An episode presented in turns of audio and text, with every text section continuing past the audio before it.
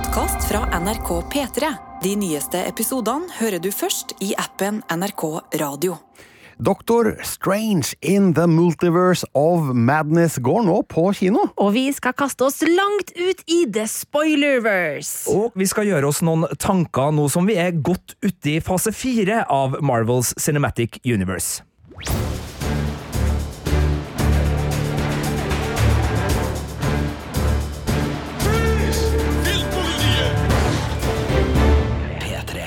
Her i studio sitter Birger Vestmo, Marte Hedenstad. Og Sigurd Vik. og vi har alle sett den nye Doctor Strange-filmen. Jeg har anmeldt den til en firer på terningen, men eh, vi skal alle si vårt om den eh, nyeste filmen i denne podkasten, som altså vil bli full av spoilers, eh, Marte. Ja, fordi nå har vi jo lyst til å virkelig diskutere filmen, så hvis du ikke har sett den, så vil jeg anbefale at du går på kino, og så kommer tilbake til denne podkasten seinere.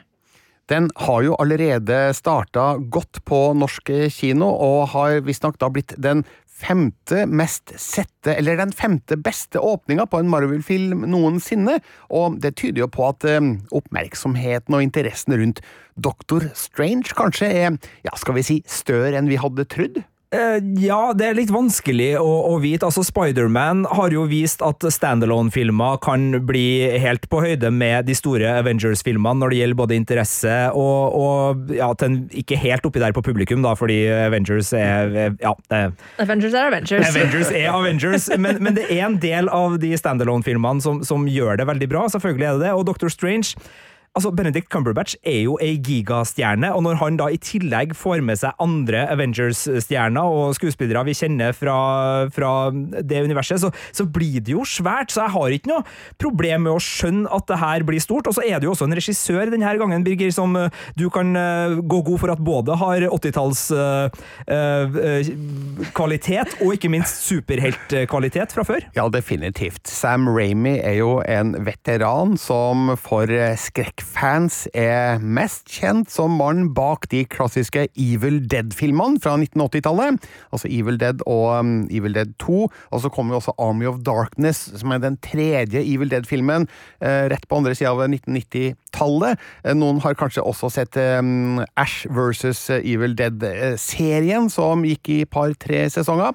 Uh, men nå er det altså slik at han også har en annen trilogi på CV-en sin. Spiderman 1, 2 og 3 fra 2000-tallet, de med Toby Maguire i hovedrollen. Så han har både erfaring fra skrekk med litt humor, og superhelt med litt humor, og han kom kombinerer jo begge deler, da, føler jeg i hvert fall, da, i Doctor Strange in the Multiverse of Madness, og jeg syns jeg kan kjenne igjen en del av de regigrepa han er kjent for, spesielt det er jo en scene Ja, det her er jo ikke en spoiler, men en liten spoileradvarsel, kanskje. En scene der Wanda ser litt rare ting som skjer inne på kjøkkenet sitt, og blant annet et bokstavelig talt storm i et vannglass, eller i en tekopp, er det kanskje. Og det er sånne ting som han kunne finne på å gjøre i spesielt Evil Dead 2, som det også refereres til et annet sted i denne filmen. Det skal vi komme tilbake til. Så han har virkelig fått lov til å sette sitt personlige preg, føler jeg, på Doctor Strange in the Multiverse of Madness, som gjør at den kanskje er litt enklere å ja, eh, se som en egenrådig filmopplevelse i det store Marvel-universet, som gjør at den har en liten dis distinksjon da, fra noen av de andre filmene. og er det noe Marvel-filmer trenger, så er det noe som gjør at de peker seg litt ut fra hopen, for det begynner jaggu å bli ganske mye film å ha i bakhodet, Marte? Ja, virkelig. Og det er jo så mye man skal huske på eh, fra alle disse filmene og eh, fasene eh, når man skal se en MCU-film. Og ja, vi har jo snakka om mange ganger i forbindelse med Marvel tidligere at noen ganger så blir det litt sånn superhelten-mush, at man blir litt lei. Og sånn sett så syns jeg den her var et ganske sånt friskt pust, mye grunn av at uttrykket er litt annerledes. Og det er jo en ganske mye mørkere film, selv om det er humor her, så er det spesielt rent visuelt en ganske mye mørkere film enn mye av det andre vi har sett i Marvel Cinematic Universe tidligere, og det var jo veldig, veldig gøy. Den her var jo nesten nesten, på grensa til å bli skummel. Ikke, sk- den var ikke veldig skummel, altså, men nesten på grensa til det. Eh, og det er ikke ofte man ser i MCU. Nei. Det er jo slik at eh, skrekkeffektene de eh, kommer til sin rett her, men det er fremdeles en tolvårsgrensefilm, og det er nok en eh, limit for hvor hardt til verks man får lov til å gå i en Marvel-film. Men det kunne jo vært morsomt å se en R-rated Doctor Strange, men det hadde nok blitt en litt annen type filmopplevelse tenker jeg, da. Eh, Så jeg har jo allerede sagt eh, mitt om hva jeg syns om filmen med terningkastperspektiv, i hvert fall. Altså en firer. Jeg syns jo det er en stor, støyende, morsom, underholdende actionfilm som jo er en Marvel-film sånn som man forventer at den skal være. Altså top notch spesialeffekter, en historie som ruller og går, og som har referanser til andre Marvel-historier. Noen av dem nikker anerkjennende til, andre tenker jeg hæ, hvem var han igjen? Eller hva var det igjen? Og jeg må jo innrømme at jeg, jeg burde kanskje ha sett meg opp på noen av Marvel-filmene i forkant av Doctor Strange. Det er bare vanskelig å vite nøyaktig hvilke, for det er jo så mange av dem nå at det er jo umulig å ha full koll overalt. Ja, og i tillegg da til de 27 foregående MCU-filmene du kunne ha uh, sett deg opp på, uh, for det er jo ganske mange, så har jo også TV-seriene nå kommet for alvor. De har jo eksistert uh, i MCU lenge. Netflix hadde jo blant annet Daredevil og Luke Cage, og, de, og det har vært flere serier, men det her Disney-Marvel-produserte MCU-seriene som nå har blitt bakt inn i hovedhistoriene, uh, da snakker vi da om WandaVision, som er særdeles viktig her. Vi snakker om Loki, vi snakker om Falcon and Winter Soldier, vi snakker om What If, som også er vesentlig her, som er en animert eh, serie, eh, og Hawkeye og Moonnight, som nå også da akkurat har gått seg ferdig. Så det er jo veldig mye å holde styr på, Birger, og jeg har full forståelse for at eh, det kan eh, bli både vanskelig å, å huske alt sammen, og også at man kan av og til, for det gjør jeg sjøl, sitte med en sånn har jeg glemt noe viktig nå? Altså, er det noe jeg altså, ikke har fått med meg? Er det en referanse til, til noe? Men tross alt eh, det, så syns jeg den filmen her klarer å fungere som en frittstående film. Både fordi den oppsummerer jo WandaVision eh, greit nok, sånn at du må ikke ha sett WandaVision selv om du bør jo ha sett WandaVision, men, men altså den, den vil nok du, du skjønner hva som har skjedd, og, og Wanda spilles på en måte som gjør at du skjønner motivasjonen hennes uten at du har sett hele den eh, seksepisoders miniserien. Og som du sier, Birger, den har en regissør og, en hoved, og flere hovedpersoner, men spesielt i Benedict, Benedict Cumberbatch, som gjør det til en film som, som svinger litt sånn uavhengig, selv om den fungerer godt inn i, i helheten som er MCU. Jeg synes det er veldig interessant at begge dere to kaller den for en standalone-film. Fordi da jeg skulle liksom, Da jeg har gledet meg til å se denne filmen, sett trailerne og eh, var på en måte klar for å se Dr. Strange in the Multiverse of Madness, så uh, så jeg ikke på den som en standalone-film. Jeg så på den som at ok, dette her er her hvor alle TV-seriene vi har sett til nå, uh, skal på en måte komme til sin rett, og vi skal få fortsettelsen på historien. Sånn at det, for min del, da jeg gikk inn i det, så hadde jeg liksom det tankesettet om at dette her er på en måte en Avengers-film eh, i hodet mitt. At liksom dette, dette er på en måte den store filmen i Eller den første store filmen i denne fasen, eh, som skal bringe liksom den røde tråden videre. Eh, og så, da jeg diskuterte filmen etterpå med mannen min, så, eh, så var vi litt sånn Ja, nei, hvor viktig er egentlig denne filmen her eh, videre? Eh, ja, nei, ok. Eh, ja, nei, ok, Den med Wanda er jo på en måte stort sett viktig, men utover det Og så introduserte den jo Miss America, men utover det, liksom Hvor viktig var den egentlig? Så det var litt sånn et lite antiklimaks der, faktisk. Selv om jeg også syntes det var en veldig god og underholdende film, og kosa meg veldig i kinosalen. Jeg så den jo med et kinopublikum på kvelden. Dere var på pressevisning. eh, Og det var veldig god stemning i salen, med både klapping og applaus og jubling gjennom hele filmen, så det var en veldig gøy kinoopplevelse. Men likevel fikk jeg litt sånn Hm, ok, var det det?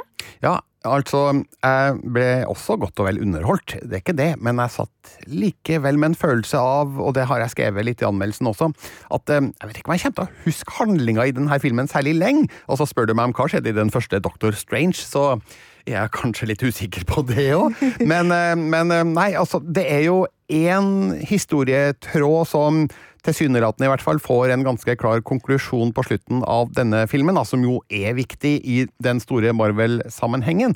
Men eh, om det som skjer i denne filmen kommer til å få konsekvenser for det som skal skje i Marvel-universet videre, det gjenstår jo å se, men det er jo en videreutvikling av eh, det multiverset som vi så i den forrige Spiderman-filmen. Det var jo tegn der til hvilke problemer som kan oppstå, og um, i rulleteksten til Multiverse of Madness så dukker det jo opp en uh, figur som vi aner kan få ganske stor betydning på et eller annet uh, tidspunkt, men um, det vet vi jo ikke på nåværende tidspunkt. Uh, det som er klart, er jo at Marvel alltid har en plan. Mm. Så um, når det dukker opp en post-credit-scene, så er jo det noe som faktisk skal brukes eh, til noe på et eller annet eh, tidspunkt. Eh, så det er jo en overhengende historie her som, som er viktig, men hvor viktig det er å se denne filmen in the greater story, det gjenstår å se.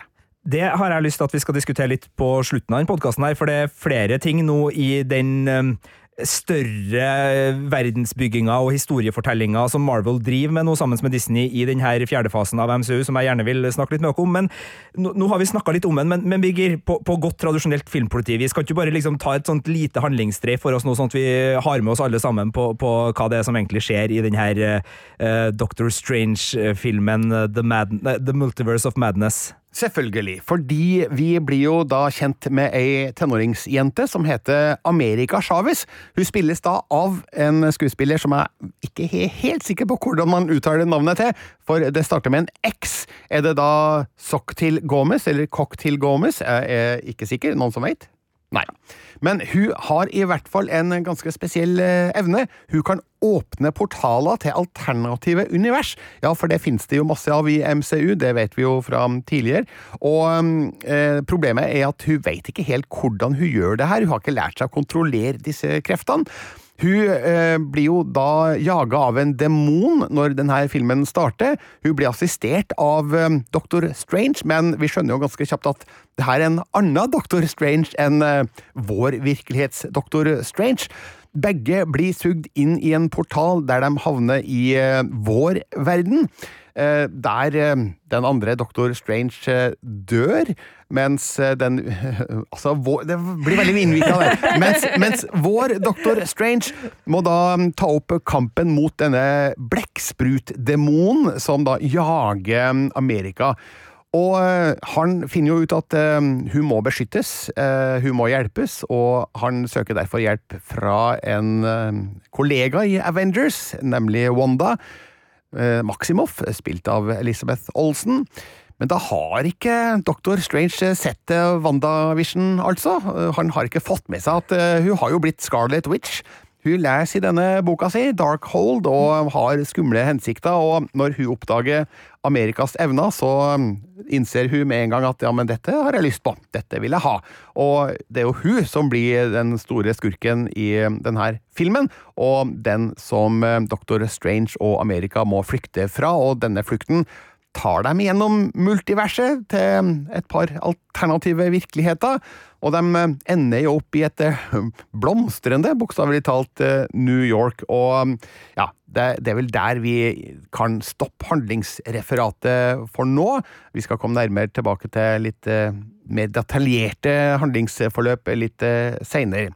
Men når vi møter Amerika og den andre Doktor Strange, så er det i en slags portalvirkelighet som jeg ikke fikk helt grep på hva er for noe, men allerede her så fikk jeg i hvert fall følelsen av at eh, oi, her skal det lekes med det visuelle. Hva tenkte du da du så det, Marte? Jeg syns det så veldig stilig ut. Altså sånn, den derre eh, Både den delen som på en måte befinner seg mellom verdener, altså tomrommet mellom ulike parallelle univers, ser kult ut, men også den derre den delen av filmen hvor de kastes gjennom en rekke rekke eh, multiverses, eh, og all den leken med visuell stil eh, som gjøres der, er også veldig gøy. Plutselig så fer de gjennom et eh, animasjonsunivers, og så er de inne eh, liksom, ja, alle mulige rare, merkelige versjoner av en virkelighet som kan eksistere.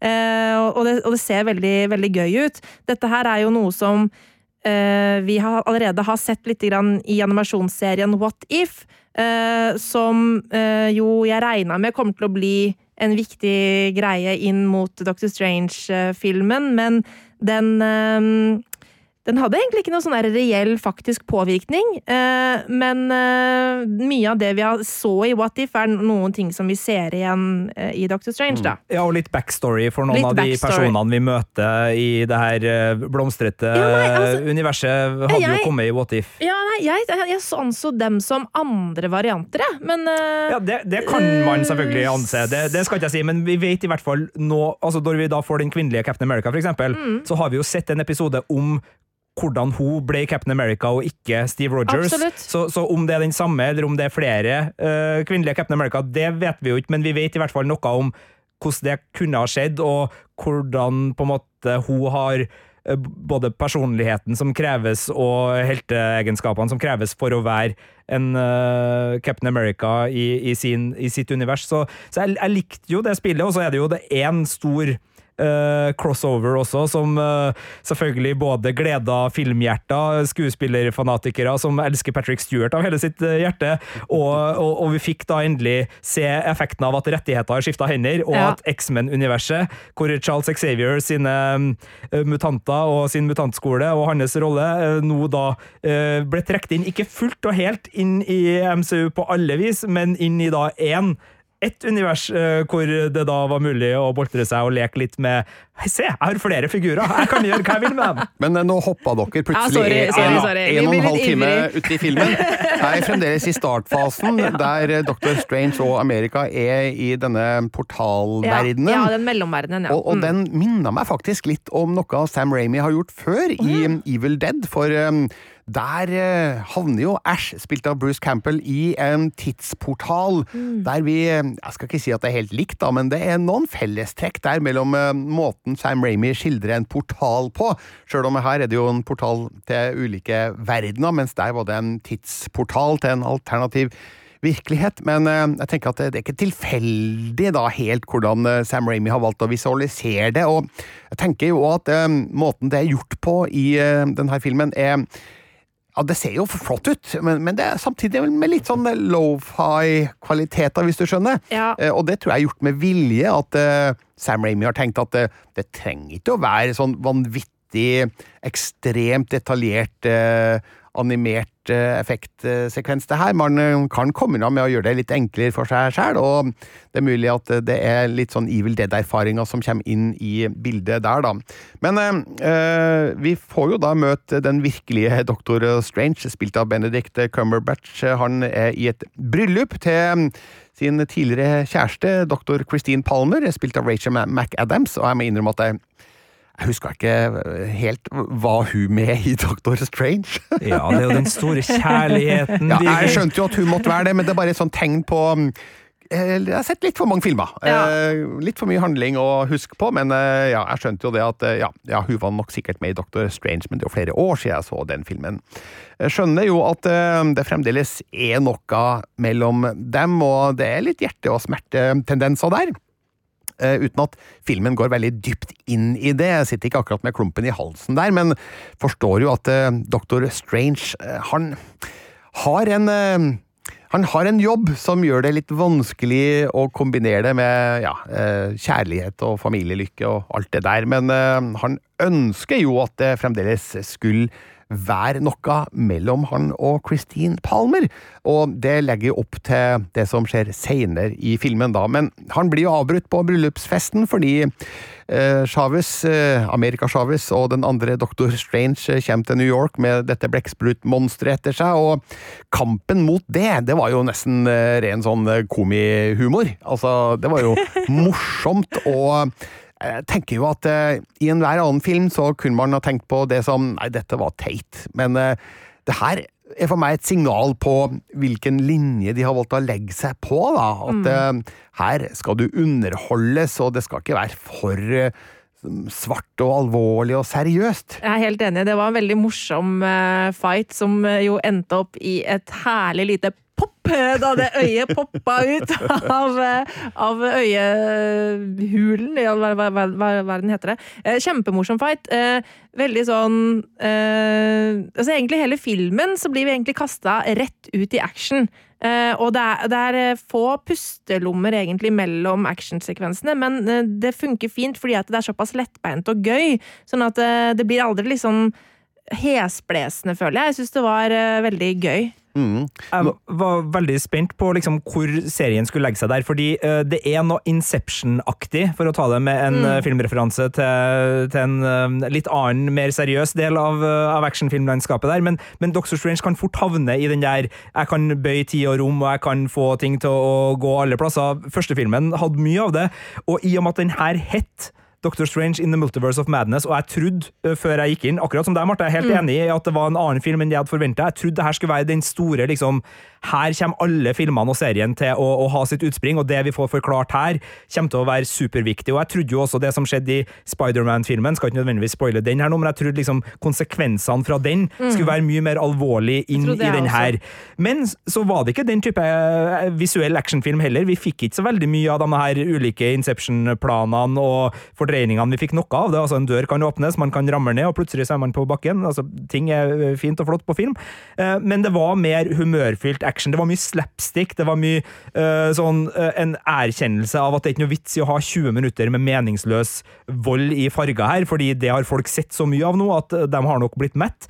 Men vi leker mer. Vi drar innom uh, ulike univers, bare sneier innom dem og får litt farge fra dem, og mm. gir folk et smil om munnen i stedet for å, liksom, at de skal gruble. Jeg savna jo litt muligheten til å gruble, fordi jeg syns uh, de legger opp til at det er veldig mye som må grubles på, uh, både gjennom de TV-seriene og filmene vi har sett så langt etter Avengers Endgame, men uh, når da som Ramy velger å bare spille på sine styrker og får med gamle kjente og dundrer på, så syns jeg filmen løser det sånn for, for, sin egen del veldig godt. Og det starter jo med det slagsmålet, og jeg syns jo den stilen mm. videreføres uh, godt i, i, flere ledd, og uh, syns den uh, slapstick-volden er liksom godt balansert for den blir ikke fjasete. Den blir ikke sånn at du liksom bare liksom skal flire av den, men den er humørfylt nok til at du, som du sier, Birger, den er ikke teit denne gangen. Den er liksom akkurat innafor det der med sånn Ja ja, det er jo litt teit, det her, så hvorfor ikke uh, la seg le av det? Ja, og uh, Benedict Cumberbatch han uh, spiller jo rollen sin med akkurat det som mål å ha en sånn god avveining mellom eh, det litt seriøse og det så avgjort komiske, og han har jo noen one-liners her som eh, kanskje kunne vært bedre skrevet, hvis jeg skal være helt ærlig, men uh, når de avleveres av Benedict Cumberbatch, så uh, ja, blir de spiselige uansett, og uh, vi skjønner at det er rett og slett bare gøy. Jeg syns at Benedict er strålende i en rolle som jo han har kjennskap til før, og som han har perfeksjonert. Men jeg snakka om det på P13 her forleden, at jeg lurer på hvor gøy syns Benedict Cumberbatch egentlig det er å spille en sånn superhelt i en Marvel-film? Jeg tror han syns det er gøy, ja. Eh, han virker som en veldig leken og merkelig skikkelig kar. Altså sånn, eh, hvis man ser han på ulike intervjuer, spesielt gjerne den der, hva heter det, Graham Norton-show, hvor på en måte britene får lov til å være seg sjøl litt mer enn de gjør på amerikanske talkshow. Så han er en merkelig kar, altså. Ja. Som, som, jeg syns virker som liker å leke. Så jeg, jeg har inntrykk av at han syns det er gøy, eh, og jeg tenker at det smitter gjennom på figuren, men hva syns eh, du det? Ja, ja, nei, altså, jeg tror at han koser seg. Jeg gjør det. Eh, men eh, jeg tror han koser seg enda mer over paychecken han får for å spille Dr. Strange. og jeg tenker at det, det, er jo ikke noe utfordring for han å stå der med kappe og vifte med hendene, og så er det noen spesialeffekter som legges over det, og så Ja. Men det er klart, det er flere utfordringer ved å spille en superhelt enn vi kanskje tenker over. Han skal jo komme unna med ganske mye her, og det greier han absolutt. Jeg liker for så vidt også mm, eh, den eh, kjemien han har mellom eh, Sorcerer Supreme Wong, som mm. spilles av en annen Benedict, nemlig Benedict Wong. Han heter jo da det samme som figuren sin, tydeligvis. Og han hjelper jo til da med kampen mot denne blekksprut-demonen.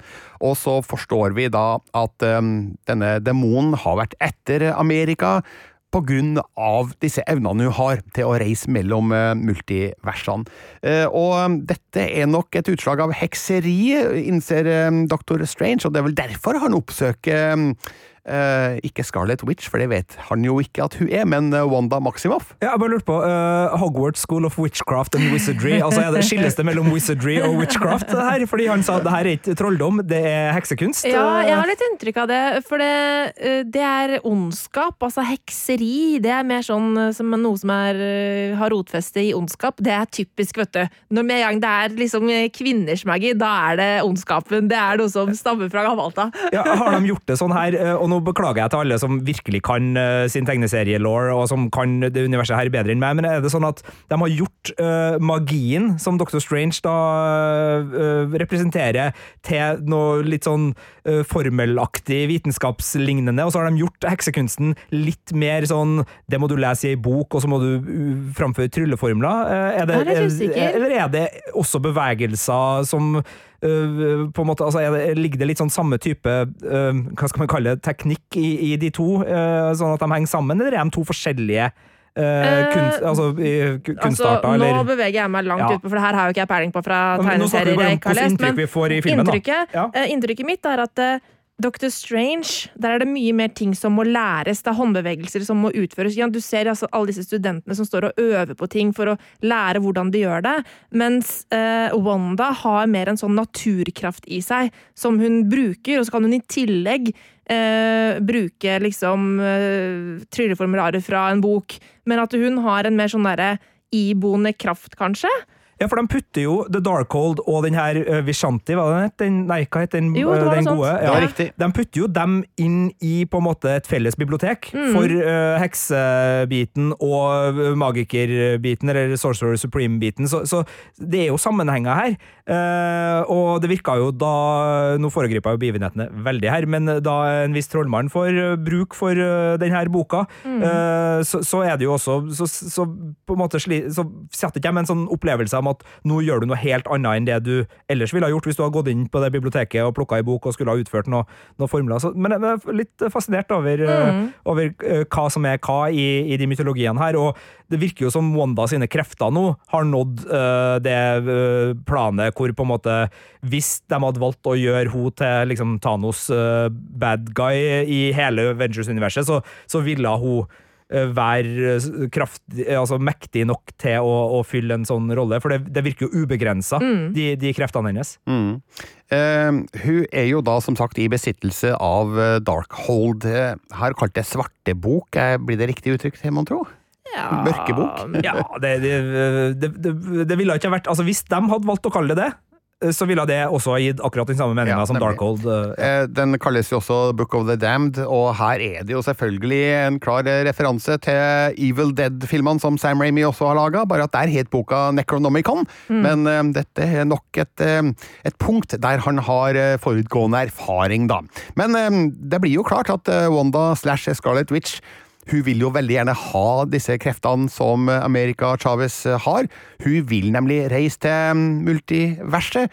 Og hvorfor hun vil det, blir jo ganske straks klart. Jo, hun vil gjenforenes med Billy og Tommy, sønnene hun skapte for seg sjøl i mm, eh, Westview i serien WandaVision. For de eksisterer jo ikke i vår verden, men hun mener at de kanskje gjør det i alternative univers.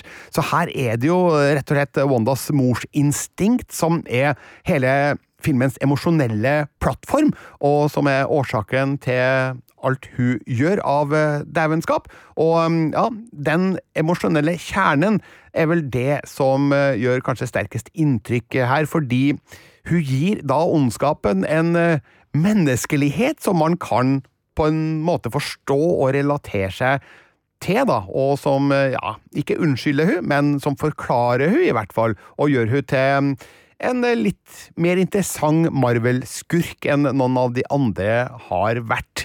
Ehm, men eh, jeg syns at det her forklares på en ganske grei og forståelig måte, sjøl om du ikke har sett WandaVision, tenker jeg. Eh, men er det et bra utgangspunkt for en morsom superheltfilm, Barte?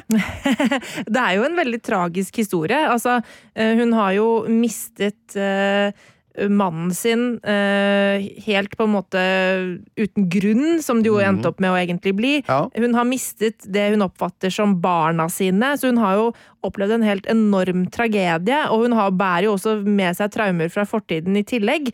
Sånn at eh, det er jo ikke rart at hun på en måte har bikka over, da, for å bruke det uttrykket. Eh, og eh, jeg syns at eh, filmen klarer, klarer den balansen veldig godt. Eh, Klarer å gi den emosjonelle dybden, men også ha den lettbeinte, lune humoren. Jeg, jeg, jeg syns den balanserer det på en god måte.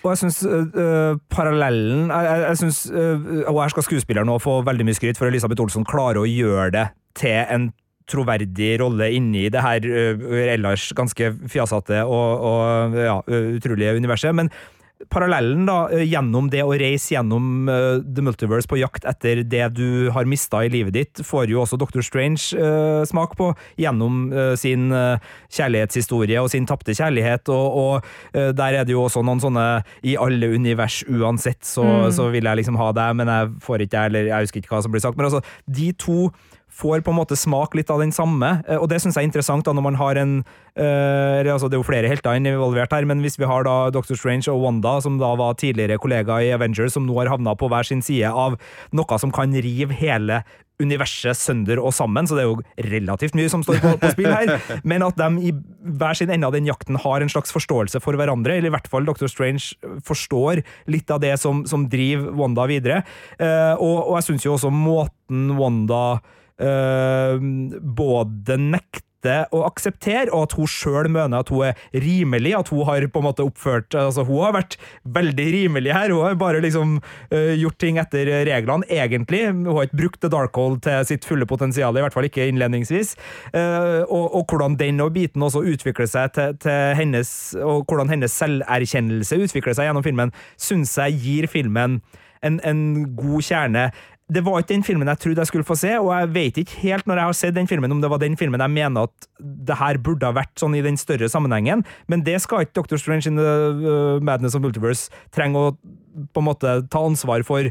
Uh, så i seg sjøl så syns jeg det, fikk, det gjorde at filmen i tillegg til alt fjaset og slapsticken og tullet, fikk en veldig sterk emosjonell kjerne som øh, også er med å gjøre den som en sånn standalone-film. For jeg er helt enig med det du sa for en stund siden, Marte, om at du hadde forventa noe, noe annet enn det du fikk, og at det at vi nå sitter og kaller det en standalone-film, er mer fordi det viste seg å være det, enn at det var det vi forventa. Men det endte opp med å bli en standalone-film som kan sees.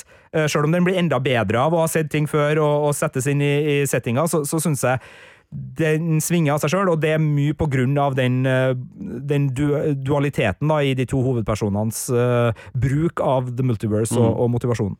Dr. Strange og America Chavez og, eh, og Wong de må jo da reise til Kamartaj, eh, altså hovedkvarteret til Masters of the Mystic Arts i Nepal, for å da beskytte seg mot Wanda. Men her blir det jo en spektakulær trefning, da. Veldig stilig den scenen der alle de mørke skyene kommer over Kamartaj, og Wanda kommer flygende ut eh, derfra.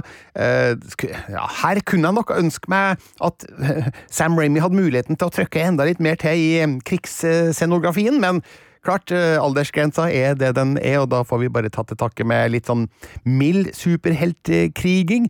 Men eh, det ender jo da med at eh, de flykter videre derfra og inn i multiverset, altså Dr. Strange og America Chavez, og der er vi jo i den sekvensen du snakka om Ja. i sted, Marte. Der vi ser dem fly gjennom ulike univers som ser veldig forskjellig ut. På et eller annet tidspunkt så er de i en tegnefilmverden, virker det som. Eh, Og en veldig stilig sekvens som tyder på at eh, det finnes veldig mange alternativer der ute, og det gjør det litt sånn småskuffende at de ramler inn i en ganske konvensjonell versjon av New York. Kan vi ta et, et problem eh, her nå, for nå, Ja. nå lander du nesten på dørstokken til det. Det at i det her eh, multiverse-greia så kan ting bli så utrolig ulikt, men likevel så er ting så utrolig likt til den historia for eksempel, som eh, Dr. Strange forteller om seg sjøl til seg sjøl for å bevise at han er seg sjøl. Altså, at den er lik for så ulike altså, det, det, jeg, jeg sier ikke at det ikke går opp, jeg sier bare at der får jeg litt mitt problem med hele den multiverse-greia, at de er så like, med liksom søsken og alt, for det er jo så butterfly-effekt, altså det er så mye som kan gå annerledes i disse universene. Likevel så er det liksom mer eller mindre det samme, det er bare ulike ja, Marte, Kanskje det er en skjebne her, da. Vet du. Det, at Ja, okay. vi, det, det, Ja. hvis, det er, hvis vi skal gå inn på det, at det kanskje folk har en sånn slags eh, skjebnebestemt vei i livet, og innenfor den skjebnen kan de gjøre endringer. Eh, men Aksepteres. eh, for eksempel i What If eh, så er det jo en Doctor Strange-episode uh, hvor uh, Spoiler vi litt ja, ja, jeg, jeg skal ikke spoile veldig mye, men uh, hvor han på en måte fortsetter å søke etter sin store kjærlighet. da. Ja. Uh, og vi får se på en måte i alle mulige varianter hvordan det egentlig ikke går. Eh, og, da, og da er det jo litt sånn i, I så mange forskjellige eh, univers, eh, likevel så, så klarer han ikke alltid å liksom få tak i, eh, i, i kjærligheten. Sånn at det, kanskje det ikke er helt skjebnebestemt for Dr. Strange at han skal finne kjærligheten her. Men et av de universene de flyr igjennom, eh, er jo et eh, univers der alt er maling. Jeg bare lurer på hvordan fungerer det samfunnet? Ja, og, og har de samme søsknene og samme relasjonene der også. Det der er liksom kjenner at det er litt sånn Ok, greit, dere utfordrer meg, men jeg skjønner. Det er god historiefortelling. Jeg skal, jeg skal sette meg rolig tilbake. Men- ja, ja, og så bare ah, i den forbindelse, da, det at eh, folk sine drømmer er eh, på en måte egentlig ditt eget jeg i et annet univers, er også en veldig gøy eh, tanke. Og jeg tenker bare sånn ok, det- jeg har drømt mye rart opp gjennom Stakkars livet. folk. Stakkars folk. Men, men det, det universet de havner i, er jo da det som kalles Earth 838. Jeg vet ikke hvor mange verdener som finnes der ute. Det ble kanskje sagt noe om det i filmen, det husker jeg ikke helt akkurat nå, men veldig mange. Eh, Og, og, og der eh, Noe av det første de møter på der, er jo en eh, gateselger som eh, selger mat, og som eh, vil ha betaling for det Amerika har tatt med seg. Pizzabolla noteres forresten Ja. til neste fest, folkens. Pizzabolla var det selvfølgelig, ja. Eh, hvorpå Dr. Strange tryller frem en eller annen slags formel som gjør at vedkommende begynner å slå på seg sjøl. Eh, og vi blir fortalt at det, det går over etter eh, ja, hva var det, noen dager? Nei, Tre- tre tre dager, u- nei, det var jo uker! Ja, det, ja. Det var jo sånn tre uker okay. eller noe. Men, men, men denne gateselgeren spiller ikke av Bruce Campbell, eh, som jo spilte Ash i Evil Dead-filmene. og Uh, det speiler jo det som skjer med Ash i Evil Dead 2 Dead by Dawn fra 1987, der han blir utsatt for en eh, spell, uh, en uh, formel. Forbannelse. en forbannelse som gjør at han begynner å gå til angrepet på seg sjøl. Altså, ja, ok, forhistorien her er at han sager av seg sin, sin egen hånd da, i etterkant, eh, men eh, ja, bakhistorien er det, eh, ikke forhistorien. Men i hvert fall så mm, er det en liten homasj da, til den scenen i Evil Dead 2 som jeg syns var veldig, veldig, veldig morsom. Eh, Men eh, så blir de jo arrestert eh, av eh, Gordo, spilt av eh, Chivitel eh, Ejiofor, og han proklamerer til Dr. Strange at eh, Illumina Illuminati vil snakke med han, og han sier Illumiwati? Og så lurer jeg på, veit ikke Dr. Strange hva Illuminati er for noe? Eh, Her, her er det jo det metalaget som kommer inn. Ja. Selv om vi ser på deres, altså vår Dr. Strange, som øh, representant for vår verden, så er jo ikke det sikkert. Så Altså- selv om vi vet hva Illuminati er, så har vi vel ikke hørt om Illuminati før i øh, MCU. Nei, men altså, det er jo åpenbart ikke vår verden. Fordi, eh, altså, hvilket år var det New York ble angrepet, for eksempel? Det har jo vært. Sånn at det er jo ikke vår verden, det er jo et parallelt univers. Men mye ja, men altså at hoveduniverset også er et annet univers enn vårt univers, ja. Ja, har Ja. New York blitt angrepet av aliens? I virkeligheten? Ja, du trekker den dit, ja. Ja, det så det er også jo åpenbart et Ja, parallelt univers. ja. Men i hvert fall så er det ikke sikkert at uh, det, det er ingen som har sagt noe om Illuminati før, så derfor så er det ikke sikkert at Dr. Strange trenger å vite hva Illuminati er, selv om det ville ha vært naturlig på sett og vis da i nærheten til virkeligheten. Eh, Birger, fortsett. Men eh, i hvert fall eh, Illuminati viser seg å bestå av en hel del gamle kjente, i hvert fall noen. Altså eh, Peggy Carter er med. Eh, Hva, hva er hennes kallenavn? Eh, Hun er Captain Hun er America. Captain America Nei, nei, nei. nei. Hun, hun, hun, det er ikke Captain America hun heter.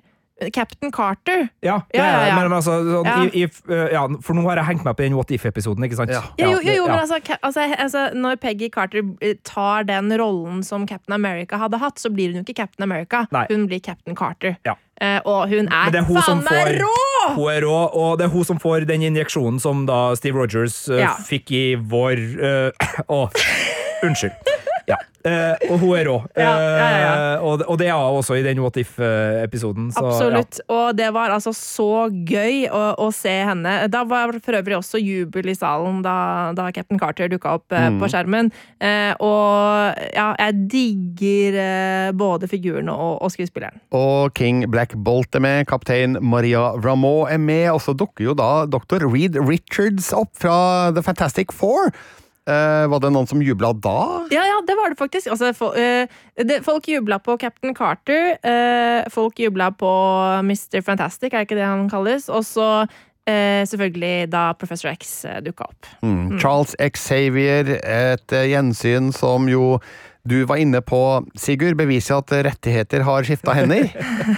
Ja, det kan, jo være andre årsaker til at det faktisk har blitt eh, løst akkurat sånn manusmessig, men det er klart, nå har de muligheten, og vi har jo vært veldig spent på eh, hva de utvida Disney-rettighetene når det gjelder Marvel-muligheter skal mm, kunne tilby.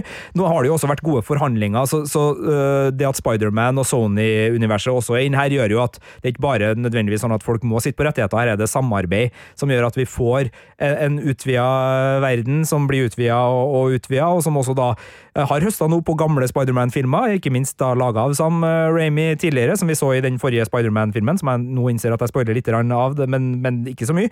Eh, og eh, da også X-Men-filmene, hvor eh, Charles Xavier har vært eh, en av de store, ikoniske superheltene som det gjør at også denne filmen, i likhet med den forrige filmen, klarer å ta med seg den 2000-talls Jeg skal ikke si noe revolusjon her, men altså, uh, superheltfilmene fikk jo en oppsving på starten av 2000-tallet med ganske sånn uh, alvorlige filmer sammenligna med det vi har fått i etterkant. uh, og det at de filmene som er gammel, men ikke så gammel, eh, fordi skuespillerne lever ennå, heldigvis, eh, kan bli med inn i, i den nye superheltæraen som har vært nå siden ja, Iron Man i 2008, var det vel, og som virkelig har løfta det opp til et helt nytt nivå. Nå er det i toppen av kino- og, og TV-landskapet, noe av det mest eh, kommersielt fruktbare du kan holde på med. Og det at de på en måte synliggjør arven og tar inn de som på en måte var med og bygde opp kinokulturen. Eh, det det syns jeg er fint. Så hvis bare nå Michael Keaton og Tim Burton kan få seg en skikkelig Batman-sving i, i DC Extended Universe, så, så begynner ting virkelig å, å knirke her. Uh, Reed Richards spilles jo av John Krasinski, som jo mange kjenner fra The Office, blant annet. Og um, det er jo en ny Fantastic Four-film under planlegging. Jeg regner med at han skal spille hovedrollen også der. Uh, men uh, i hvert fall så um, var det nok eh, Charles Xaviers eh, entré som traff meg aller eh, best, i hvert fall da. For eh, nå vet jeg ikke hvor eh, gammel han er i ferd med å bli, men han ser i hvert fall utgammel ut i denne filmen her. Ja, han er eh, 81 Ja. år, eh, Patrick Stewart eh, nå. Han Ja. ble født i 1940. Han er snart 82, eh, blir det vel da, ja. Ja, nemlig. Så viser det seg jo at eh, dette universets doktor Strange eh, har avgått ved døden, og mm, Illuminati er ikke spesielt lei seg for det, fordi han ble rett og slett dømt til døden for en uh, multiversforbrytelse, kan vi si det? Ja, han i sitt eh, ja, Altså, han, hans Hovmod. I sitt hovmod, eh, hvor han har tenkt at det er bare han som skal klare å bekjempe den store Thanos i, denne, i dette universet, så drev han litt eh, Ikke intergalaktisk reise, men in You messed interverse-reise. up the spa- space-time continuum! Ja, og da ødela han et eh, univers fordi det var to universer som krasjet. Og tenk så mange liv som gikk uh, tapt pga. hans hybris. eh, og derfor ble han eh, dømt til døden, men som vi jo ser i filmen også, at det var noe han godtok, og han på en måte lot seg selv bli drept, fordi han kunne jo ha kjempet eh, rimelig lett imot denne eh, ding Stemmegaffelhelten. Stemmegaffelhelten, som for øvrig er det mest tøysete jeg har sett ja, på superheltfronten på en stund. Du snakker om King Black Bolt? Ja. Ja. Nemlig. Hva skulle du si, Sigurd? Nei, jeg skulle bare nikke eh, enig med, med Marte. Det, altså, vi, vi, har jo sett det at soniske bølger selvfølgelig Ja, er en det har vi sett. Det superkraft, sett, men, ja. men, eh, men det her var spesielt måten han eh, dessverre da avgår med døden Ja. på om, om kort tid i det her handlingsreferatet, var artig. Ja, men ikke sant? det som jo er poenget her, er at disse Illuminati-folka er jo da meget skeptiske til Dr. Strange som person, fordi de antar at denne Dr. Strangen også har på en måte et så stort ego at han egentlig er en fare, og en større fare for The Multiverse enn det Wanda er. Ja, så det ligger vel an til at de kanskje skal dømme også han til døden, men før de rekker å komme så langt, så får de besøk av Wanda, som jo dreper nesten alle i Illuminati, eh, bortsett fra Gordo, vel? Mordo. Mordo? Ja, mm. Eh, ja hvor, eh, hvor ble det av han? Eh, Han ble forlatt eh, av Dr. Strange Ja. etter en liten uh, fistfight nedi kammerset. Ja, og her er vi inne på en del, noe som du og jeg har diskutert en del. Vi må bare ta det nå, Sigurd. For dette, eh, underveis av denne fasen så har det jo kommet en del forskjellige serier, og, og gjennom Loki eh, og også What If så har det jo vært ganske mange forskjellige varianter av de samme figurene. Eh, og da eh, husker jeg du sa til meg sånn at du mente at eh, det egentlig ødela den emosjonelle slagkraften i når noen blir drept. Fordi ja, men det finnes jo alltid en annen variant, så det er på en måte, der er det ikke så trist når noen på en måte forsvinner. Og jeg er bare sånn nei, det var jeg ikke enig i, og alt mulig sånt. Men i denne filmen her så på en måte drepes jo alle disse veldig kjente og kjære figurene bare sånn virkelig uten særlig mye høytidelighet. Og eh, det har jo ikke veldig mye emosjonell slagkraft, akkurat. Nei, det har jo ikke det. Men eh, det skal jo sies at min store frykt er jo ikke Altså, det som skjer her, er jo på en måte bare artig og, og helt Ja, greit. Så, jeg synes det, var, det var underholdende. Ja. men, men jeg skal jo være ærlig på det at jeg har eh, investert følelser i den gjengen vi har fulgt i det hoveduniverset vi har fulgt dem i. Eh, og hvis noen av dem dør, så, så har jo det eh, Altså, når Iron Man døde Mm. Sorry, folkens, spoiler. Men, men altså sånn, det er en kraftig emosjonell scene. Så det jeg frykta med at man nå åpner opp for uh, The Multiverse of Madness og, og alt det, det var spesielt i Loki jeg kjente litt på det, er at folk er ikke døde likevel, for Loki er jo død, men Loki er ikke død. For det kommer inn en annen Loki fra et annet univers og tar i alle henseende egentlig den plassen. eh, I på en måte hjertet mitt, så, så det var det jeg var redd for. Og uh, det var jo ikke noe problem at Patrick Stewart, uh, Signe Maren, eh, avgår med en brutal eh, død her, men, men på en måte sånn Hvis eh, folk eh, eller hvis store rollefigurer kan dø og så bli erstatta fordi de liksom bare trenger å rigge til litt sånn at noen kan hoppe mellom univers for å få det til å funke, så syns jeg jo de har skapt seg eh, et spill hvor eh, innsatsen er mye lavere enn den var. Eh, Da jeg virkelig liksom trodde at eh, ok, hvis det her skjer noe her nå, så, så er det for alvor. Men jeg jeg vet jo ikke om de har tenkt å faktisk erstatte folk. Det, det her var jo bare en frykt jeg hadde. Altså, jeg har ingen bevis på at uh, Feige og MCU har tenkt å liksom begynne å bare liksom Ja, vi drepte jo han for 17 år siden, men nå kan vi trekke den inn igjen. Og jeg husker jo, vi tre var jo på et Comic-Con i London, hvor en av de store Marvel-forfatterne var, og jeg husker ikke hvem det var, men han snakka om det med at en av hans hovedregler var at hvis du dreper noen, så er de døde. Ja, dette, da- dette her er jo en Mar gammel Ja, Marvel-skriver som mente at alt var mye bedre ja, før. Ja, uh, og, og hvis du skal gjenopplive noen, som har skjedd eh, en del gang, så skal du ha suverent gode grunner til det. Og den er jeg egentlig enig i. Så jeg håper at hvis Marvel nå skal begynne å liksom erstatte døde folk med folk fra andre univers, f.eks. i hovedlinja, eller gjøre noe sånt, jeg vet ikke om de kommer til å gjøre det, Nei. men hvis noe sånt er på trappene, det må være så gode grunner til det. Det må være så gode grunner til det at det liksom emosjonelt ikke forstyrrer øh, Eller det blir feil å si, men altså sånn, det, det må ikke ødelegge de emosjonelle øh, opplevelsene.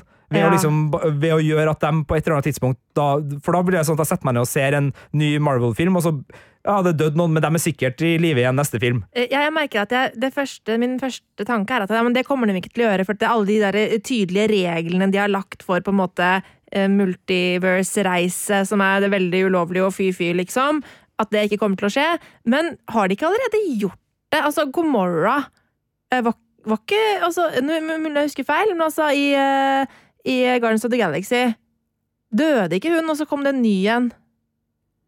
Ja, jeg husker ikke. Det har jeg glemt. Ja, ikke sant? Ja, det er så mye. Men jeg tror det at hun på et tidspunkt døde, og så var det en ny versjon fra en gammel tidslinje som dukka opp eh, et eller annet sånt der. Mener du husker det? Men- så de har jo på en måte allerede faktisk gjort det grepet. Og nå har de åpna for muligheten. Nå Mm. kan de til enhver tid benytte seg av det grepet og bare gå til et multivers og hente ut noen som de har lyst til å gjenopplive, og bruke det som en forklaring på hvordan denne personen faktisk eh, kan være med igjen, Mm. sjøl om vedkommende døde i en film for ti år sia.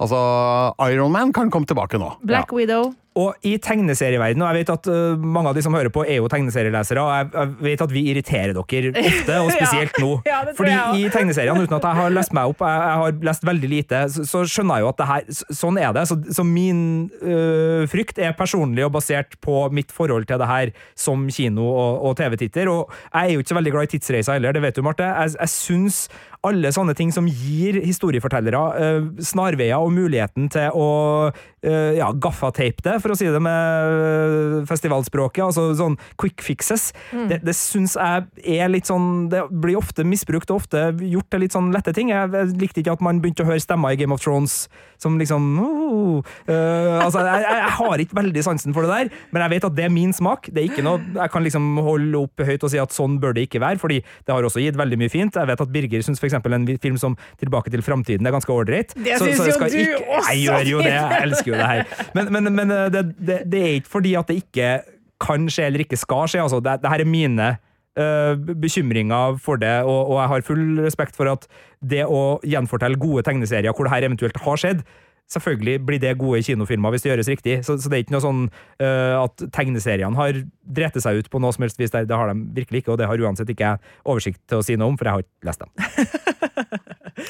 Vi nærmer oss slutten av filmen, og det blir jo et oppgjør her mellom Wanda og Dr. Strange og noen av de andre i kampen om eh, Amerikas eh, multiverskrefter, eh, som blant annet inkluderer en zombieversjon av Dr. Strange. Ja, det var gøy. Det var, det var morsomt. Det var, det var gøy. Og også her har vi en referanse til Evil Dead-filmene, ikke sant? Han har faktisk litt av det samme ansiktsuttrykket som Bruce Campbells zombieversjon av Ash har i eh, Evil Dead, så det er nok ikke tilfeldig at han ser sånn ut. Eh, Og så befinner vi oss på et eh, fjell der eh, vi virkelig får en konklusjon, og det fjellet het noe sånn Altså, det heter Wondagore. Det skrives W-U-N-D-A-Gore, eh, men måten de uttaler det på i filmen, er Wondagore. Og jeg er bare sånn Veldig rart å oppkalle eh, et sånt ancient eh, tempel etter Wanda. Det var veldig Ja, rart. Hun, hun var jo der, du så jo bildet av seg sjøl, så Scarlet Witch skulle jo være der. Men, men den var jo litt humor. Det jeg sleit litt med, som også ble brukt som humor og navn, var jo at America sitt navn ble brukt til liksom sånn We gotta save America.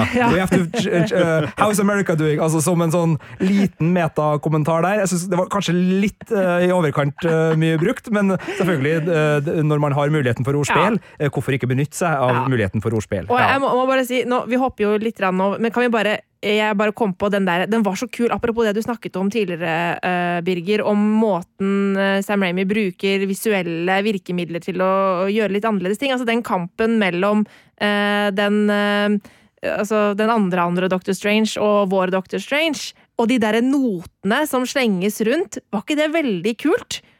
Det var morsomt. Det var et visuelt grep som uh, underholdt meg godt. Uh, vet Danny ikke- Elfman som er, har eh, komposisjonen her, ikke det? Ja, det er Han, riktig. han fikk leka seg bra Ja. med, med notene der. Det var veldig merkelig, men gøy, liksom. Ja, det var morsomt. Er Kanskje ikke veldig realistisk, men eh, det er jo ikke resten av filmen heller, så da tenker jeg at det spiller ingen rolle. Det var, et eh, morsomt eh, påfunn som tok seg godt ut, og som var en god avveksling til den sedvanlige superheltactionen, da. Ja. Nå prøver jo Wanda å få ut kreftene fra Amerika. Eh, mislykkes med det. I stedet så blir hun frakta tilbake til den alternative virkeligheten, der hun ser da Billy og Tommy sammen med sin egentlige Wanda-mor, og hun innser jo da at eh, nei, nå har jeg vært dum.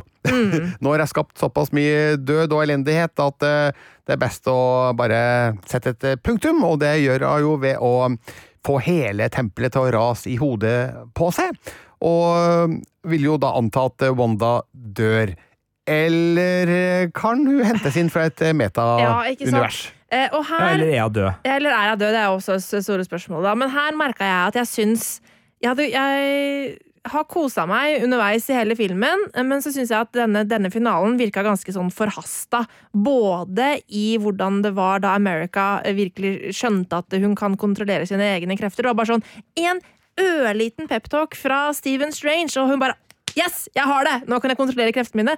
Og også hvordan, eh, hvor kjapt Wanda på en måte forsto eh, hvor eh, ond hun har blitt på, på veien, syns jeg også gikk altfor kjapt. Ja, jeg, jeg syns jo det er et interessant poeng du trekker inn der. Flere, jeg er enig med begge, men, men altså uh, uh, Miss America Ja, det er jo hennes origin story vi får presentert i Ja, MCU nå. det. Syns, og hun vil jeg jo tro vi skal ha med oss videre, og er jo en, en rollefigur som, som det legges opp til at skal bli sentral i, i det de kommende. Hva syns du hennes rolle i denne filmen som en liksom ikke hovedrolle, men, men allikevel viktig rolle som skal bli en hovedperson, ja. fungert? Jeg syns hun eh, ble veldig godt introdusert. Jeg likte selve starten, som bare virkelig kasta oss sånn inn media eh, inn i det, og hvordan Dr. Strange ikke forsto hvem hun var, men følte at hun så kjent ut, mens hun hadde fullstendig kontroll eh, på hvem han var, og at det er mange Og at hun reiser mellom multiverse og alle disse der tingene. Og det med foreldrene og hvor Ja, vondt det er å ha den evnen, syns jeg de fikk veldig effektivt fortalt. uten at de... Ja. Kjempefint gjort, og det at hun på en måte føler at hun har hun, hun har gått og tenkt at hun har drept sine egne foreldre, eh, som er noe å bære med seg. Det syns jeg ble etablert veldig godt. Eh, og så gikk det altfor kjapt på slutten, sånn at jeg syns at hun, siden jo det er faktisk hennes origin story, så fortjente kanskje den reisen en litt større finale enn den kanskje fikk, eh, syns jeg. da. Jeg syns det ble litt grann antiklimaks eh, på slutten der. Jeg tenker de må ha planlagt å ja, kjøre det her videre i en uh, seinere film. For eh, det ble lagt opp til ting her som eh, vi ikke får noen konklusjon på.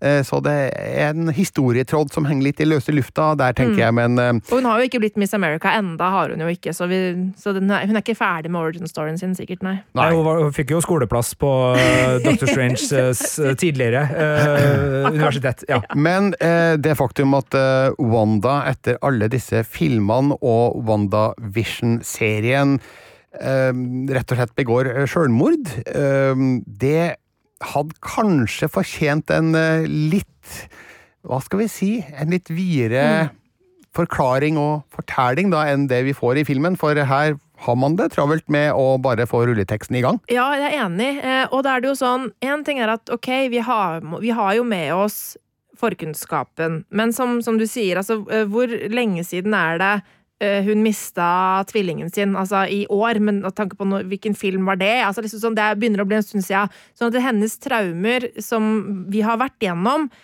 det begynner å bli såpass lenge siden at man sliter litt kanskje med å huske alt sammen. Eh, og så er det jo det med at ok, hvis du har sett eh, WandaVision, så, så på en måte er det litt mer friskt i minnet at eh, hun har vært gjennom en god del, og, og alle disse tingene som på en måte skaper den grobunnen og den plattformen for det som skjer her. Eh, men det er likevel ikke nok i denne filmen, fordi selv om alt henger sammen, så må den fungere som en standalone-film også.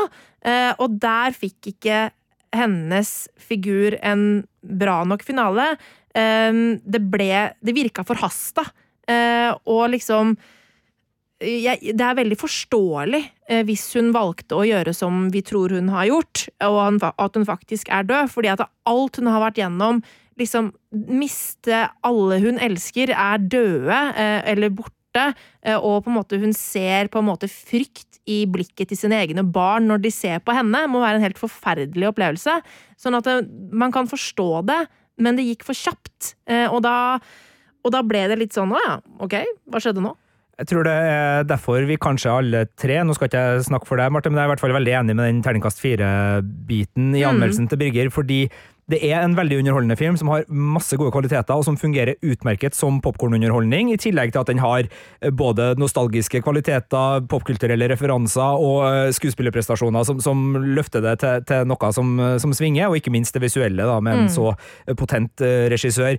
Men det er det at øh, den både som en større bit i historien for min del, da, personlig, men også de her litt sånn balanseproblemene på slutten mellom det alvoret det man har lagt inn som, som en sånn uh, pulsåre, eller hjerte, da, i, i filmen, uh, som, som, løses litt uh, flyktig, og, og, også det at den er litt forglemmelig, kanskje, da. med Altså, det er ikke veldig uh, gripende historie, uh, tross alt. Uh, altså, den, den, kunne ha vært det, men fordi den liksom løses gjennom store slag, og som du sier, store actionsekvenser som mm. kommer etter hverandre, og ikke så veldig mye sånn narrativ playing av liksom hvorfor og hvordan og, og hva det har å si. og jeg syns jo slutten løser seg litt sånn merkelig. Jeg syns Dr. Strange sin tur innom det her universet, hvor han møter nok en versjon av seg sjøl som har det, den boka, hvor han bruker den altså sånn, Alt det her og var litt sånn der, ja det, det, henger jo sammen, men det, det, er ikke den store historien hvor jeg liksom virkelig kjenner sånn Det var ei god fortelling! Det var ei skikkelig god fortelling! Den kommer jeg til å uh, både være inspirert og, og, tenke på masse, for du verden så det svingte av den. Det var en, en standard slutt på en helt OK actionfilm. Ja, og det er derfor vi kanskje ikke husker så mye av Doctor Strange in the Multiverse of Madness om et år eller to, som jeg skriver i anmeldelsen min, men det kan være en grei transportetappe til neste Marvel-film, og det er jo to post-credit-scener her. En midt i rulleteksten og en på slutten, og det er jo den eh, som kommer midtveis som er viktigst her, for der eh, dukker det jo opp en, eh, skal vi si, trollkvinne eller en superhelt, eller hva hun nå enn er, som åpenbart er Charlize Theron, og tar med seg Doctor Strange inn i et multivers der noe har skjedd. Det har vel vært en incursion der, som det heter. Og eh, jeg har vel da skjønt at eh, vedkommende er høyst sannsynligvis doktor. Clea Strange.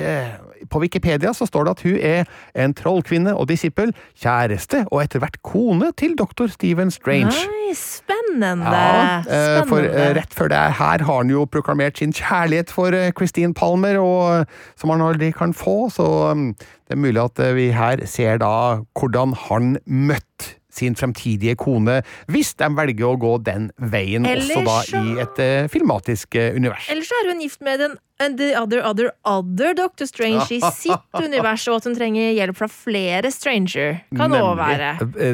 En slags polyamorøs uh, trenger hjelp til, eller hva tenker du her, Marte? Nei, jeg tenkte mer ja, okay. redde verden-hjelp, ja. Apropos flere ting, altså tre øya. vi ja. fikk jo vite at det å bruke The Darkhold, uh, sjøl om den da ble ødelagt eh, krever sin pris av leseren, eh, brukeren. Eh, ja, og, og det får vi jo se her, men det virker jo ikke å ha helt sånn katastrofale følger, men at uh, litt demon uh, har festa seg i, i panna på, på, vår kjære Steven Strange, uh, det må vi vel kunne slå fast. Ja, og her er det sikkert masse kunnskap fra tegneserieuniverset som vi ikke har peiling på, Oi. som folk blir sånn Ja, men dette her er jo det øyet der som heter det, og, ja, og det heter The Eye of Agamoto, det gjør det, visstnok. Ja. Men jeg vet ingenting om det, og derfor skal jeg ikke si noe om det heller. Er det filmpolitiet? Vi leser ikke så mye tegneserier som vi burde. Da hadde vi hett Tegneseriepolitiet, eller Film- og tegneseriepolitiet. Det gjør vi ikke. Men vi er jo fornøyde med Doctor Strange in the Multiverse of Madness. Ja, Likte siste postkreditten da, Birger? Ja, den likte jeg også veldig godt. Og nå tror jeg forresten jeg òg til og med sa feil, fordi det er kanskje det der kjedet han har, det. Det der andre øyet. Så det er så mange øyer! Så det er lett, ikke så lett Og det er også mange Bruce Campbell, da. Ja. Uh, men det, det, er bare én Bruce Campbell. ja. Det er bare én Bruce Campbell. Morsomt at han får litt oppmerksomhet. Han begynner å bli en eldre mann, han også, og det er vel ikke så mange store roller han får lenger. Så godt å se at han blir dratt frem i en film som jo låner flere elementer fra Evil Evil Dead-serien, som han eh, jo var sentral i. Og eh, det at eh, Sam Ramy har brukt litt av ting han har gjort før, både i skrekkfilm og superhelt-action, gjør jo at denne Doctor Strange-filmen den, den, har noe ved seg som er litt annerledes, og som gjør at den er mulig å skille ut fra den strømmen av Marvel-film som jo har kommet i flere år nå. Mm. Og Apropos den strømmen av Marvel-film, nå er den podkasten snart ferdig, men jeg vil bare avslutningsvis bare høre litt med dere nå, fordi nå er vi jo jeg, vet ikke helt om, om alt er fanga opp, men vi er i fase fire av uh, Marvel Cinematic Universe, og vi er på en måte post Avengers, altså Avengers Endgame, satt et veldig kraftig punktum med Thanos. Mm. Da hadde vi fire Avengers-filmer. Det var et klart mål som festa seg, eller krystalliserte seg gjennom den historien, som, som leda opp til det. Og så har vi jo brukt da tida i, i 2021 og 2022 nå på å sette i gang nye historier, bli kjent med nye rollefigurer. Vi har så langt fått Black Widow, Shang-Chi and the Legend of the Ten Rings, Eternals, Spiderman No Way Home og da Doctor Strange in the Multiverse of Madness på filmfronten. Uh, her kommer det to til i eh, år, som da blir 29 og 30. Det blir Thor Love and Thunder, Black Panther Wakanda Forever. Det kommer en uh, tredje Antman-film. Det kommer en tredje Guardians of the Galaxy-film. Det kommer The Marvels neste år, og det kommer Fantastic Four. Uh, Four. Og på TV så har vi hatt WandaVision, The Falcon and the Winter Soldier, Loki, What If og Hawkeye og Moonnight. Mm. Og så kommer det da uh, videre, sånn som Wikipedia sier det, det er mulig det, det er noe mangler her, men Mrs. Marvel, She-Hulk, Uh, en eller annen Halloween-spesial. Spent på den. Guardians of the Galaxy Holiday Special. Secret Invasion, Ironheart, Armor Wars og en Wakanda-serie. Men det jeg lurer på, hvis vi ser på det her, så er vi om ikke midtveis, så nærmer vi oss muligens sånn cirka midtveis i denne nye store uh, fase fire i, i, MCU. Og det jeg trodde vi skulle få med den filmen her, var vel liksom den nye store skurken, det mm. nye store opplegget. Filmen som på en måte ble en slags sånn hjørnestein for å samle Ikke nødvendigvis at det skulle komme en ny Avengers-film, for den står jo ikke på lista her, men altså sånn, jeg så for meg at noe skulle liksom For vi har fått litt i WandaVision, vi har fått litt i Loki, altså det var noe multiverse, vi vet at det kommer nye store skuespillere som skal spille sentrale roller fra tegneserieuniverset inn her. Og akkurat nå så sitter jeg likevel med en sånn følelse av at denne filmen gjorde at alle seriene og filmene blir standalone herfra ut. Altså at, at uh, I stedet for store Avengers-filmer, så vil vi få filmer hvor en del store superhelter og superskurker møtes, uh, og at de besøker hverandre. Altså Den nye Thor Love and Thunder-filmen ser ut til å ha massevis med både Guardians of the Galaxy. Han har jo tidligere hengt med Hulken. Det kommer en ny Thor, muligens, ut fra traileren der også. Det er noe, altså, men er, er, det dit vi er på vei, eller har dere liksom mm. kjent et sånt større prosjekt noe à la liksom, vi må beseire Thanos, som nå krystalliserer seg ut i denne uh, nye fasen? Ja, som jeg har sagt, så trodde jo jeg at Dr. Strange skulle være det, jeg også. Uh, og så klarer jeg ikke helt å se på en måte Men altså, vi skal jo fortsette med multiverse, det er veldig tydelig. Ja. Uh, så, og der er det jo en en fare, ja. eh, ikke sant? Um, og, og, flere veldig mektige uh, vesener som vi så vidt har liksom skimta. Som, ja, som, og Loki. Uh, altså, ja. der har vi jo en uh, skurk i horisonten. Absolutt, som uh, dukka opp i siste episode der, ja, uten sånn å si noe mer. Sånn der tenker jeg kanskje Jeg tror kanskje vi skal dit, jeg. Mm -hmm. uh, og jeg trodde kanskje at det var litt i det landskapet vi skulle i denne filmen, men ikke helt ennå, så kanskje det blir neste igjen, da. Uh, ja. Så Multiverse of Madness er mer en sånn transportetappe, da, som jo er origin-historien til Miss America, og samtidig konklusjonen til Wanda? Ja, jeg tror litt det. Også, nå vet vi jo ikke for sikkert at Wanda strøyk med, men uh, det er det inntrykket vi i hvert fall sitter igjen med. Er vi enige om det? De driver jo og bytter ut skuespillere, og de har jo tatt inn en del nye. altså uh, Akkurat nå, i skravlende stund, og det kan endre seg fort, men uh, Moon Knight, som da er en uh, miniserie, eller ble omtalt som en miniserie, som introduserte både Ethan Hawke og ikke minst da Oscar Isaac til Marvel Cinematic Universe, og jeg må bare si jeg er veldig glad i Oscar Isaac, så han er virkelig en av de som jeg uh, syns kan få, få god plass. den har nå blitt omtalt som en sesongfinale, mm. den siste episoden, og ikke den final episode. Det var visst en Twitter-melding som gikk ut der, som ble sletta og korrigert. Så øh, vi vet jo ikke helt hvem det er av de nye, men de driver jo og bytter ut skuespillere. Altså, vi har Black Widow, der er det skifte på gang. Øh, det er øh, nye helter som har kommet inn både i Chang-Chi, i Eternals, og i Doctor Strange nå, og ikke minst i, i seriene. Captain America-skjoldet har gått videre gjennom The Falcon and the Winter Soldier. Loki, som da har fått en annen Loki inn i sin snedige serie, har ting å gjøre. Det virker som uh, Thor skal på treningsoppdrag uh, i, i, den kommende filmen, så han er vel den som Altså Chris Hemsworth er vel da den som er i hvert fall med av den gamle Avengers-gjengen. Mm. Usikker på hva Mark Ruffalo skal gjøre som hulken, men det er jo en, en utskifting her. Så er fase fire en utskiftningsfase, mer enn en nå skal vi fortelle den nye store historien, og at den kanskje ligger Kanskje i fase fem. hele fase fire er en transportetappe. Ja, det, men det kjennes nesten litt sånn ut akkurat nå. Men det er jo en underholdende transportetappe. Og som jeg av og til sier, hvis jeg er på eksempel backpacking-reise en plass, så er jo er ikke Hva er det jeg pleier å si? Reisen målet, Marte. Reisen er målet. Men kan det ikke også være at eh, de nå har eh, innsett at eh, det er veldig stort og tungt å holde en overhengende historie levende gjennom fire, fem, seks, sju, åtte, ni filmer? At de i stedet eh, satser på eh, flere enkeltstående filmer, men som har visse overhengende trekk da fra en film til neste? Jeg tror også det, og, og jeg syns jo Hawkeye, hvis det nå blir hans sorti eller ikke, altså det er jo noe av det artigste de har gjort, og det er jo Die Hard. Uh, altså Det er jo ikke en superheltserie, det er bare en lang versjon av Die Hard som julefilm. Neida, men, men du har nok rett, jeg tror de gjør det. Samtidig, Avengers-merkenavnet. Altså det er, uh, om ikke Avatar har passert den igjen, det er den mest innbringende kinofilmen noensinne på verdensbasis, hvis det stemmer. Det ligger vel i, i det landet, i hvert fall. Den tjener bøttevis med penger. Jeg tenker, Det å lage en ny Avengers-film gir jo sånn It makes sense uh, ut fra et uh, markedsperspektiv, og jeg vil jo tro at både Marvel og Disney er glad i penger, så, så jeg, jeg tror jo at vi kommer til å få, om de skal hete Avengers eller ikke, det vet jeg men altså at vi får noen sånne Illuminati. Illuminati! Men det er derfor de har eh, introdusert multiverset også Ja. på film. Det er for å få tilbake Iron Man og de andre. da. Som, Thanos, kanskje. Og, og Thanos. Sånn at de kan lage De kan remake Avengers igjen på et uh, senere tidspunkt. Så nei, her er alle muligheter å åpne, Sigurd. Eh, med det så tror jeg nesten vi er nødt til å wrappe up, som det heter, og si at eh, det var nok om uh, Dr. Strange in the Multiverse of Madness. Anmeldelsen min til terningkast fire ligger på p3.no Filmpolitiet. Vi har også en radiosending som du kan høre på P3 hver søndag fra klokka 12 til 15. Og e-postadressa vår er filmpolitiet alfakrøll nrk.no om du vil komme med ris, ros eller en kommentar. Eller et spørsmål. Ja, eh, og vi beklager at vi ikke har lest tegneserier nok en Ja, gang, for du i- verden, ja. det her må være slitsomt for dere som har peiling. Nemlig, de har kanskje ikke hørt på fram til nå, Sigurd. I studio i dag satt Birger Vestmo. Marte Hedenstad. Og Sigurd Vik. Du har hørt en podkast fra NRK P3. De nyeste episodene og din favorittkanal hører du i appen NRK Radio.